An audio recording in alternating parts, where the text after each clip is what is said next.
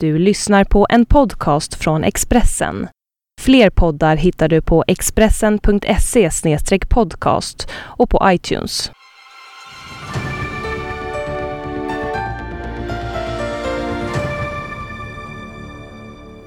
Välkomna till Pilblad och Svensson, programmet som får sin näring ur de sociala medierna och där vi också möter olika typer av makthavare. Med oss idag är Gabriel Wikström, SSUs ordförande, mannen som tvingade Stefan Löfven att backa under Socialdemokraternas kongress häromveckan. Rädslan för terrordåd har ökat i Sverige under det senaste året. Vi presenterar i kvällens program en helt ny färsk Novus-mätning. Vi berättar också om de senaste snackisarna på Twitter och vi följer och kommenterar det ni skriver om programmet på hashtaggen TVPS. Följ oss också på Twitter och Facebook och för guds skull ladda ner vår podd.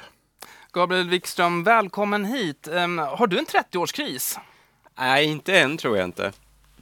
Eller det kanske är en 30-årskris att bli förbundsordförande när man är 26. Det kanske är, man börjar sin kris där helt enkelt. Gabriel, vi undrar efter att ha sett den här konversationen på Twitter mellan dig och partikamraten Rosa Hedin. Hon skriver att du bär Converse och nog är 30 plus. Du svarar henne verkligen inte och lite senare, jag är bara 28 fast tycker att man kan ha Converse oavsett ålder. Visst har du en 30-årskris? Nej, jag tycker faktiskt man kan ha Converse oavsett ålder och eh, Eh, jag tror att det där är eh, nog Rosa som eh, hon kan tryggt bära sina Converse trots att hon väl är över 30. Hon var förmodligen bara elak eh, mot dig skulle jag tro. En annan snackis inom de sociala medierna den senaste veckan, det är Anders Borgs öppning för lagstiftning inom eh, kvotering. Eh, det är nämligen så att regeringen är missnöjd med att det inte går snabbare, att det är för liten kvinnorepresentation i bolagsstyrelser.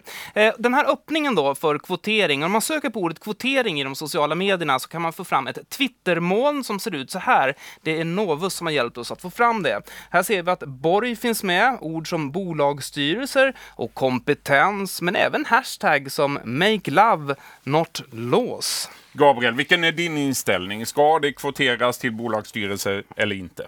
Ja, det funkar ju inte uppenbarligen som det ser ut idag, utan jag tror att det enda när man, man har sett tidigare att när man hotar om kvotering eller när man inför en lag om kvotering, det är då det börjar hända saker i, i bolagsstyrelsen. För så trögt är det ibland i näringslivet. Så om SSU får bestämma, då blir det kvotering till bolagsstyrelsen? Om SSU får bestämma så blir det kvotering. Hur ska en sån kvotering se ut då? Ska det vara 50-50?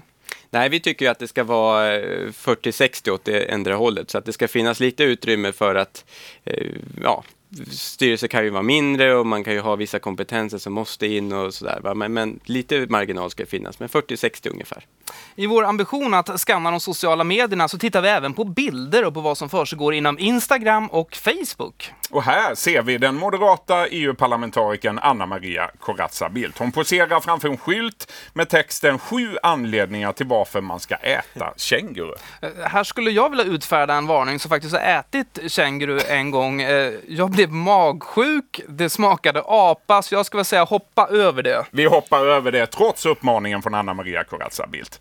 På Facebook har vi också hittat bilder den här veckan. Centerledaren Annie Lööf konstaterar att hon är ju inte Centerpartiledare för inte. Hemma växer och frodas fyrklöven, hävdar hon. Och Moderaternas partisekreterare Kent Persson, han besökte i helgen Tylösand och där var han, som ni ser, relativt ensam på stranden man får väl ändå säga att både Löv och Persson såg rätt nöjda ut, men jag vet någon som förmodligen var ännu mer nöjd här nu häromdagen och det var en för oss okänd person i Norrköping. Ja, en man i 50-årsåldern och du talar förstås Anders om rekordvinsten på Lotto. Alltså ofattbara 237 miljoner kronor. Tommy Wahlgren, tidigare vinnarambassadör på Svenska Spel. Du är nu med oss direkt. Nästan en kvarts miljard kronor. Hur förändrar detta en människa? Ganska betydligt ska vi påstå och eh, ett råd till denna man i Norrköpingstrakten är ta hjälp. Du har råd att ta hjälp, gör det. Du har ju ändå viss erfarenhet av att eh, prata med nyblivna miljonärer. Är det så att man kan hamna i en kris när man vinner så här mycket pengar? Behöver man till och med kanske terapi eller hjälp? Ska väl inte ta i allt för mycket men är du en normal människa, att du inte har några sociala problem eller drogproblem eller spelproblem, ja då klarar du en storvinst ganska bra. Men det här är så ofantligt mycket pengar att det här är ingenting man klarar på egen hand. Så att eh, den här personen kommer nog att må bra. Han kan till och med gå ut i offentligheten, tror jag, och berätta att han har vunnit. Då behöver han inte smyga med nya Ferrari-bilar och eh, jorden runt-resor. Och, ja, kängurukött eller vad Du Tommy Wahlgren, du har mött eh, väldigt många mångmiljonärer genom åren. Vilket är ditt bästa tips? Hur ska man bära sig åt för att bränna miljonerna efter en sån här vinst? Ja, det har jag inte en aning om. Du kan bara tänka själv, det är så vansinnigt med pengar. Jag skulle tippa att den här personen, han skulle ju kunna sätta upp en stiftelse eller någonting sånt där och skänka bort en stor del av pengarna. Han kommer ju inte kunna äta sig mer än mätt i alla fall och uh, alla njutningar han ens kan hitta på har han ju råd med från och med nu. Så varför inte ge bort en hel del av de här pengarna? Hur mycket har du själv vunnit förresten? Om du någon jag har vunnit spelat? 8000 på oddset en gång. Ah, i- inte så dumt. Nej, 8000 det är mer än vad jag har vunnit kan jag säga. Tack för det Tommy Wahlgren, för att du var med oss och gav de här tipsen också för hur man bränner sina miljoner om man nu har några. Eh, Förra veckan så pratade vi om de sociala medierna, vilka vi använder vi svenskar och enligt Novus är Facebook det som vi använder allra mest. Vår kollega, programledaren på TV4, Jesper Börjesson, han är en av dem som har lämnat Facebook. Så här säger han om hur han idag använder sig av sociala medier. Hej Anders och Niklas, jag sitter här i Solgasset och eh, tänkte berömma er. För ni gör ett jättebra program, fortsätt med det. Ni bad ju mig reflektera lite över hur jag använder sociala medier. Två saker. Det ena är eh, Facebook. Jag har gått ur Facebook eh, och jag har ingen nytta av det längre. Det ger mig ingenting. Det är bara en massa reklam i princip. Så jag tror fler faktiskt kommer gå ur Facebook. Twitter däremot arbetar jag mycket med i mitt jobb. Eh, jag får ju respons direkt och har hjälpt mig att bli en mycket bättre programledare. Jag brukar lägga ut saker och ting direkt i realtid nästan i programmet. Vad tycker ni om den intervjun? Hur ska vi göra för att bli bättre?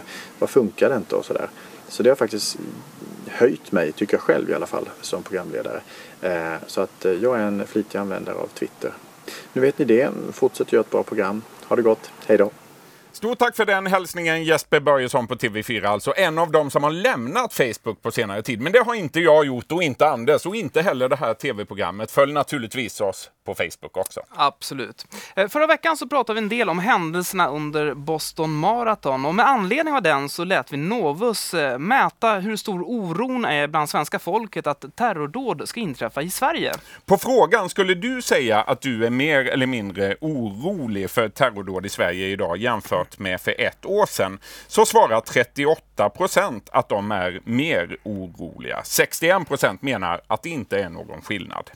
Den här typen av mätningar är svåra att göra och det är svårt att veta egentligen hur pass stor den här oron är. Jag ska säga att tittar man till hela mätningen så ser man också att, att eh, det finns inte någon sån här omedelbar akut oro för terrordåd bland svenskar. Men hur känner du Gabriel? Nej, jag är inte oroligare än innan eh, förra veckans händelse faktiskt. Utan jag tror att det är så här att vi vet alla att vi lever i ett samhälle som är ganska sårbart. Sådana här saker kan hända.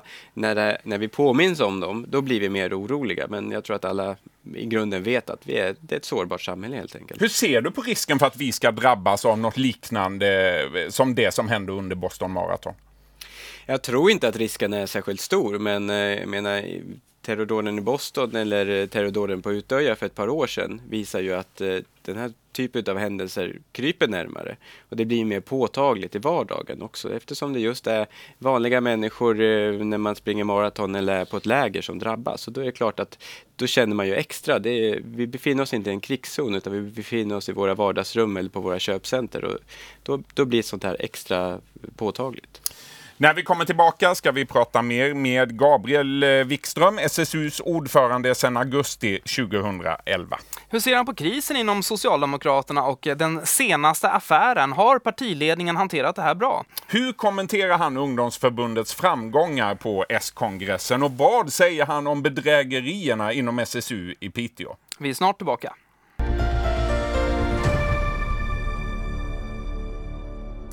Välkomna tillbaka till Pilblad och Svensson där vi idag har SSUs ordförande Gabriel Wikström som gäst. Och vi ska börja med affären som skakat Socialdemokraterna och partiordföranden Stefan Löfven under de senaste veckorna. Hur stor skada har Omar Mustafa-affären egentligen eh, orsakat partiet?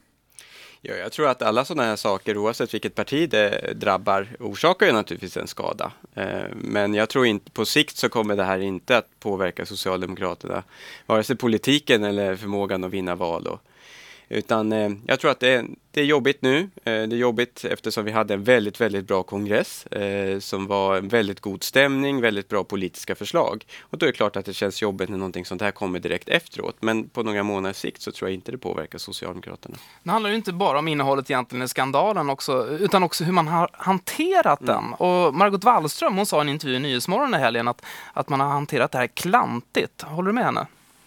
Jag tycker att man kunde hanterat det mycket bättre. Eh, jag ska inte så säga... det är klantigt alltså? Jag, jag ska inte säga att det är klantigt. Jag ska säga man har skött det bra? Man skulle kunna hantera det bättre.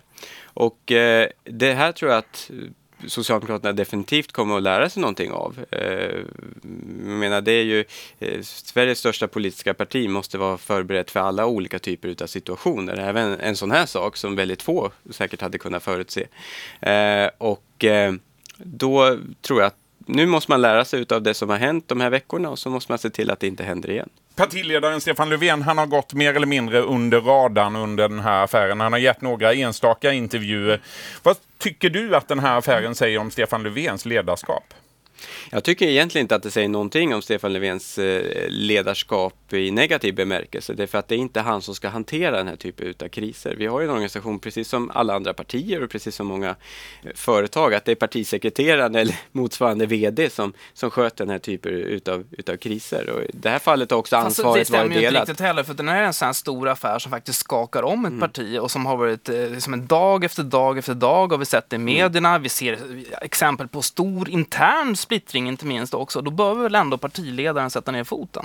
Och det har han ju gjort vid ett antal tillfällen. Men eh, man, man, kan tid. inte förvänta sig att det är Stefan Löfven som ska stå och, och ge kommentarer hela tiden. Utan det måste vara så att det är partisekreteraren som sköter den typen av krishantering. Och eh, det tycker jag att Karin Jämtin har gjort. Nu är du själv inne på det här med Stockholms arbetarkommun mm. och det har diskuterats också spekulerats kring ordföranden Veronica Palms eh, framtid. I helgen är det årsmöte inom Socialdemokraterna Socialdemokraterna i Stockholm. Vad säger du, kan hon sitta kvar som ordförande?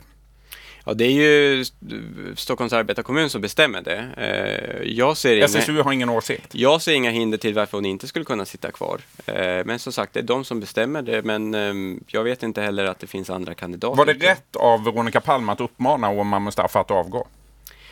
Det har jag, jag vet faktiskt inte det, det är för att det, hon har ju information som inte jag har. Jag har ju stått vid sidan av och tittat in kan man väl säga. Eh, och eh, jag tror att utifrån de bedömningar som hon gjorde så var det kanske rätt. Det är för att man måste komma ihåg att politik är ju en förtroendebransch. Det bygger hela tiden på ett förtroende. Man nominerar de kandidater som man har ett förtroende för och sen så kan saker och ting hända som gör att förtroendet skadas eller, eller på andra sätt försvinner. Och då måste man hela tiden ompröva. Och jag tror att det är en sån situation som man befann sig i under förra veckan. Strax före kongressen så kom SSU med en rapport som heter Fyra nyanser av vitt mm. som handlar om att det är den vita normen som styr inom Socialdemokraterna. V vad menar ni med den vita normen?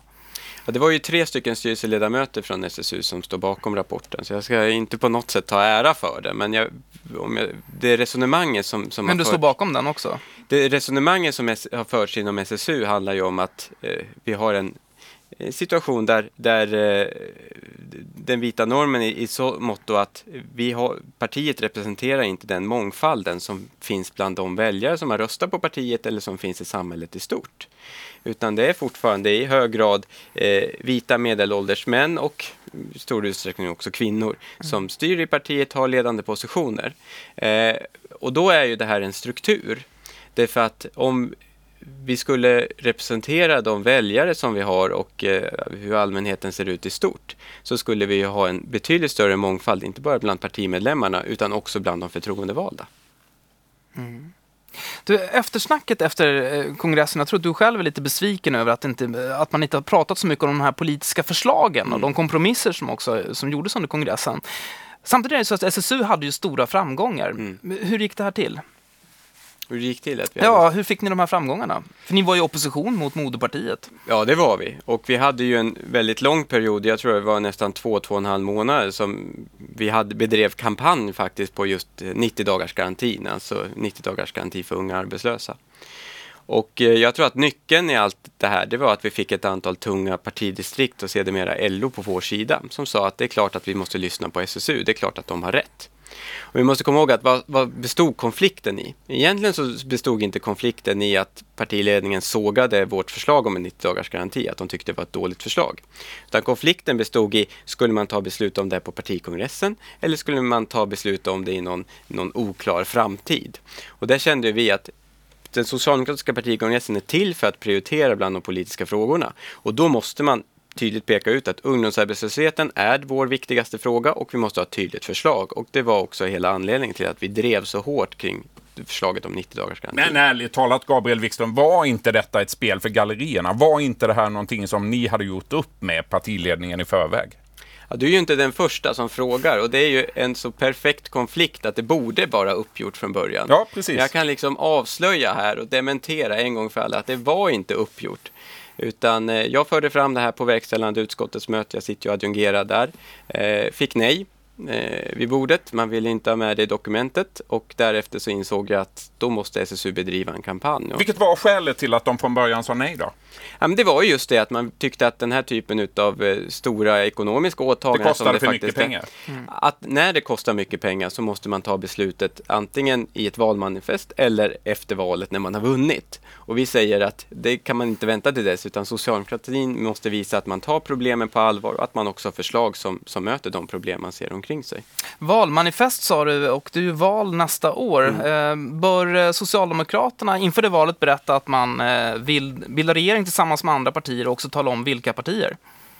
Jag tror att det som Stefan Löfven har sagt... Det är en som- jätteenkel fråga, en rak fråga. Vad tycker du? Nej, det är inte en rak fråga. Det är för att mitt svar skulle vara att man måste, man måste tydligt innan valet ge besked om hur man ser på regeringsfrågan. Det är inte detsamma som att man tydligt måste säga vilka partier man måste regera med. Utan det kan vara att man ger andra typer av besked. Hur då? Ja, det kan ju vara så här att, eh, nu- och nu spekulerar jag bara, men man skulle till exempel kunna säga att eh, två utav fyra allianspartier håller på att ramla ur riksdagen.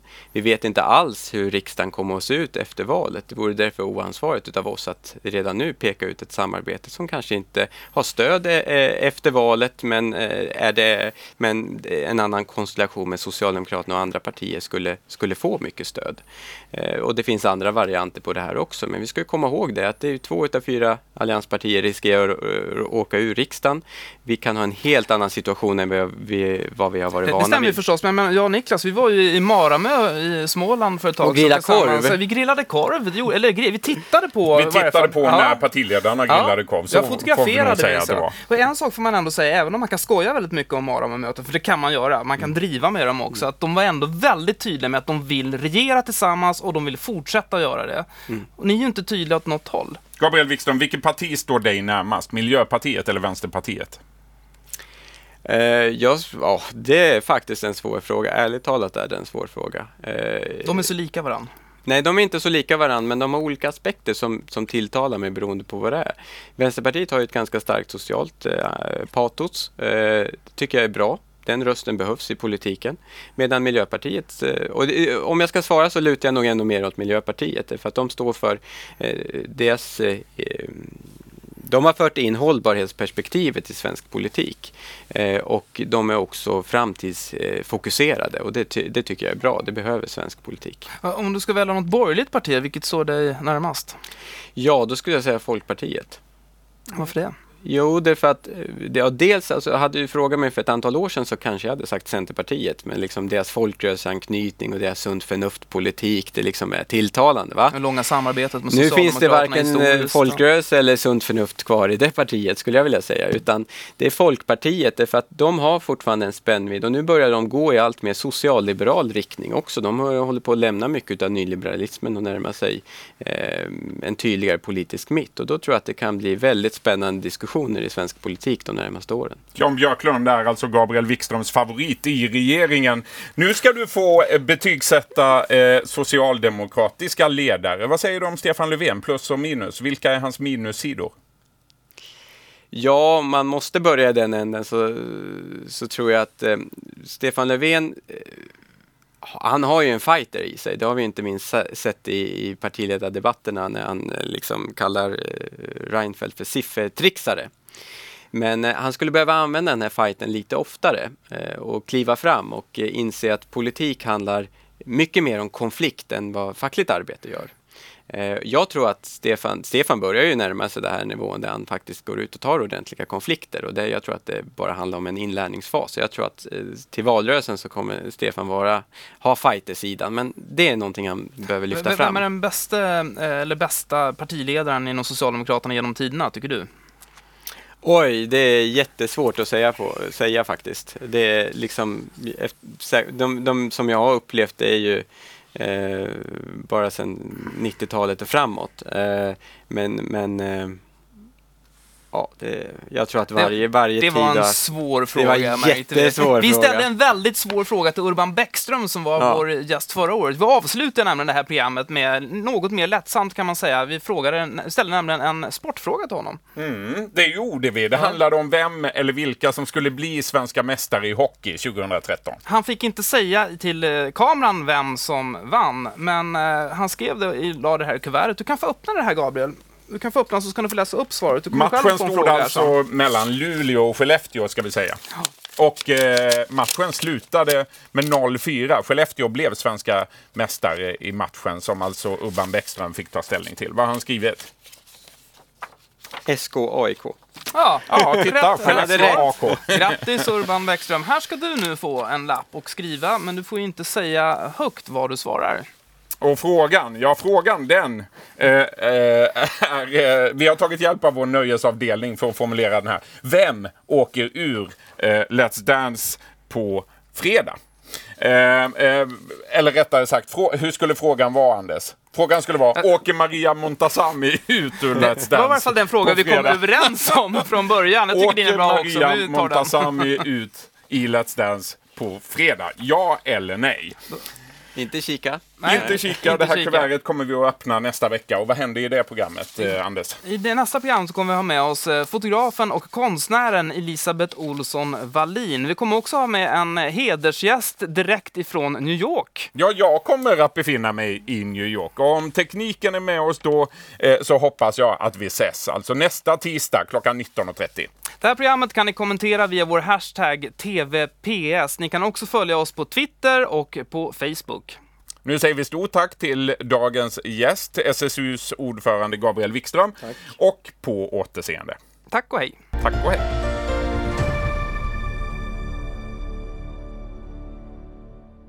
Du har lyssnat på en podcast från Expressen. Ansvarig utgivare är Thomas Mattsson. Fler poddar hittar du på expressen.se podcast och på iTunes.